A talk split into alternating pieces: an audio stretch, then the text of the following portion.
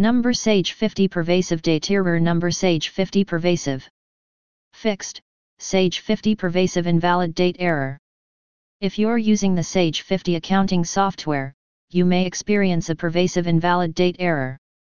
This error can prevent you from completing many essential tasks, including depositing checks and issuing invoices.